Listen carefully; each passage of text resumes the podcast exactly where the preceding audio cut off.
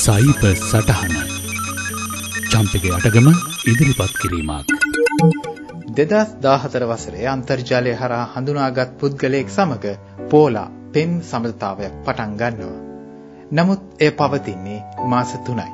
එය ඔහුගේ දඩප්පර ගති පැවතුම් ඇයට නොගැලපුණු නිසාවෙන්. නමුත් එක ඉරනම් සහගත සැන්දෑවක ඇයගේ නිවසටම පැමිණ ඔහු ඇයව දූෂණය කොට පලා යනවා. මේ සම්බන්ධව පෝලා විසින් කරන ලද පැමිණිල්ල වසර ගාණක් උසාවියේදී විභාග වුණ අතර ඇය වැනිම තවත් තරුණියන් කිහිප දෙනෙකුටම මෙලෙසින් ලිංගික බලහත්කාරකම් කිරීම වෙනුවෙන් පසුගිය වසරේදී ග්ලෙන් හාට්ලන් නම් වූ මේ 44 හැවිරිදි පුද්ගලයාට වසර 14ක සිරදඬුවම නියම වෙනවා. නමුත් ඛේදජනක කාරණාව නම් නඩු තීන්දුව ලැබෙන්නට මාස කිහිපයකට කලින් වසර ගාණක් පුරාවට Taman විඳි මානසික පීඩනයේ උපරිමයටම ළඟා වී සිටි පෝලා සියදිවි විනාසා ගැනීමයි. කාමාතුරයන්ගේ දඩබිමක් බවට අහිංසක තරුණියන් පත්වෙන තැනට මේ Tinder නම් ඩේටිං ඇප් එක අද දවසේ පත්වී ඇත්තේ කෙසේද? මේ ඇප් භාවිතා කර වෙනත් අයට හානි කරන පුද්ගලයන් නීතිය හමුවට ගෙනීමට පමාවීමට හේතු වී ඇත්තේ කිනම් කාරණාද? එනිසා අද අපි කතා කරමු Tinder නම් මේ පෙම් සම්බන්ධතා ඇප් එක ගැන. ඉස්සර වගේ හමු වී කතාබස් කොට පෙම් සම්බන්ධතා පටන් ගන්නා කාලය ඉවර වෙලා. මේ කාලේ තරුණ දරුවන් බොහොමයක් එකිනෙකා හඳුනා ගන්නේ සහ ඇසුරු කරන්නේ අන්තර්ජාලය හරහා. Tinder කියන්නේ එලෙසින් පෙම්වතුන් එක් කිරීම වෙනුවෙන් නිම වුණු ඇප් එකක්. එය ඉතා ලාභ ලබා දෙන ව්‍යාපාරයක්. පසුගිය වසරේ පමණක් එයට ලැබුණු ආදායම ඩොලර් බිලියන දෙකක්.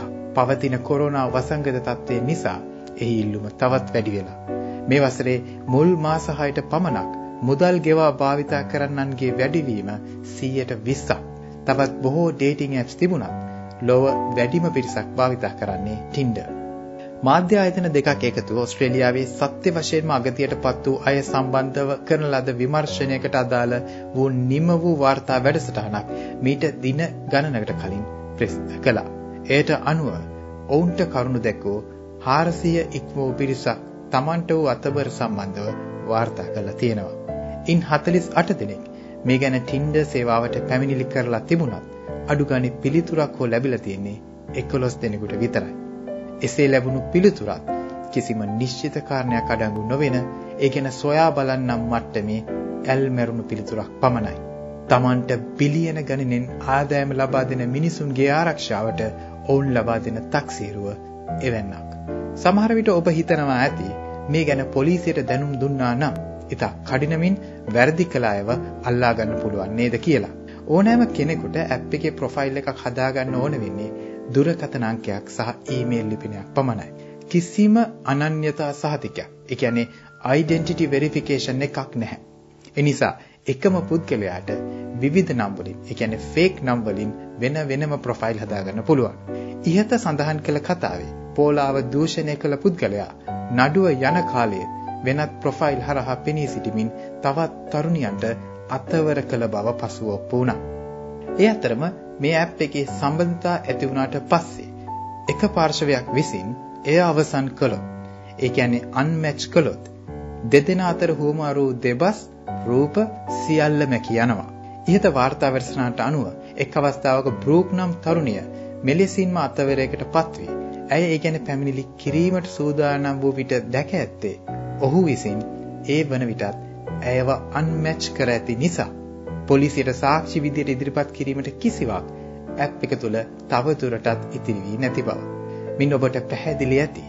මෙම ඇප් නිර්මාණය වී ඇත්තේ පවතින වෙළඳපොළ තත්ත්වය යටතේ වැඩි වැඩියෙන් මිනිසුන් මේවාවට මත් වී ඒ අඳුරු ආශාවන් හරහා හැකිතරම් ලාභ ලබන නිර්ලජ්ජිත අරමුණු වෙනුවෙන් මිසක අගතියට පත්වන පාර්ශ්ව වෙනුවෙන් සාධාරණීය ඉටු කරන උවමනාවකින් නොවන වගේ. ඒ වෙනුවෙන් ඔවුන්ට අවම වශයෙන් ක්‍රියාත්මක වීමට හැකි වුණා නම් පෝලාගේ සරණට සාධාරණයක් ඉටු වෙන්න තිබුණා. එසේ වුණා නම් ඇය තවමත් ජීවතුන් අතර ඉන්නටත් තිබුණා. ප්‍රේමය අන්ධ බව අපි කවුරුත් අසා තියෙනවා. ඒ අන්ධ වූ ප්‍රේමයම ධනේශ්වර ක්‍රමයක් තුළ ඩොලර් බිලියන ගණනින් ආදායම පොම්ප කරන ඇප් එකක් වූ කල ප්‍රේමාතුරයන්ට ගැලවීමක් කොයින්ද?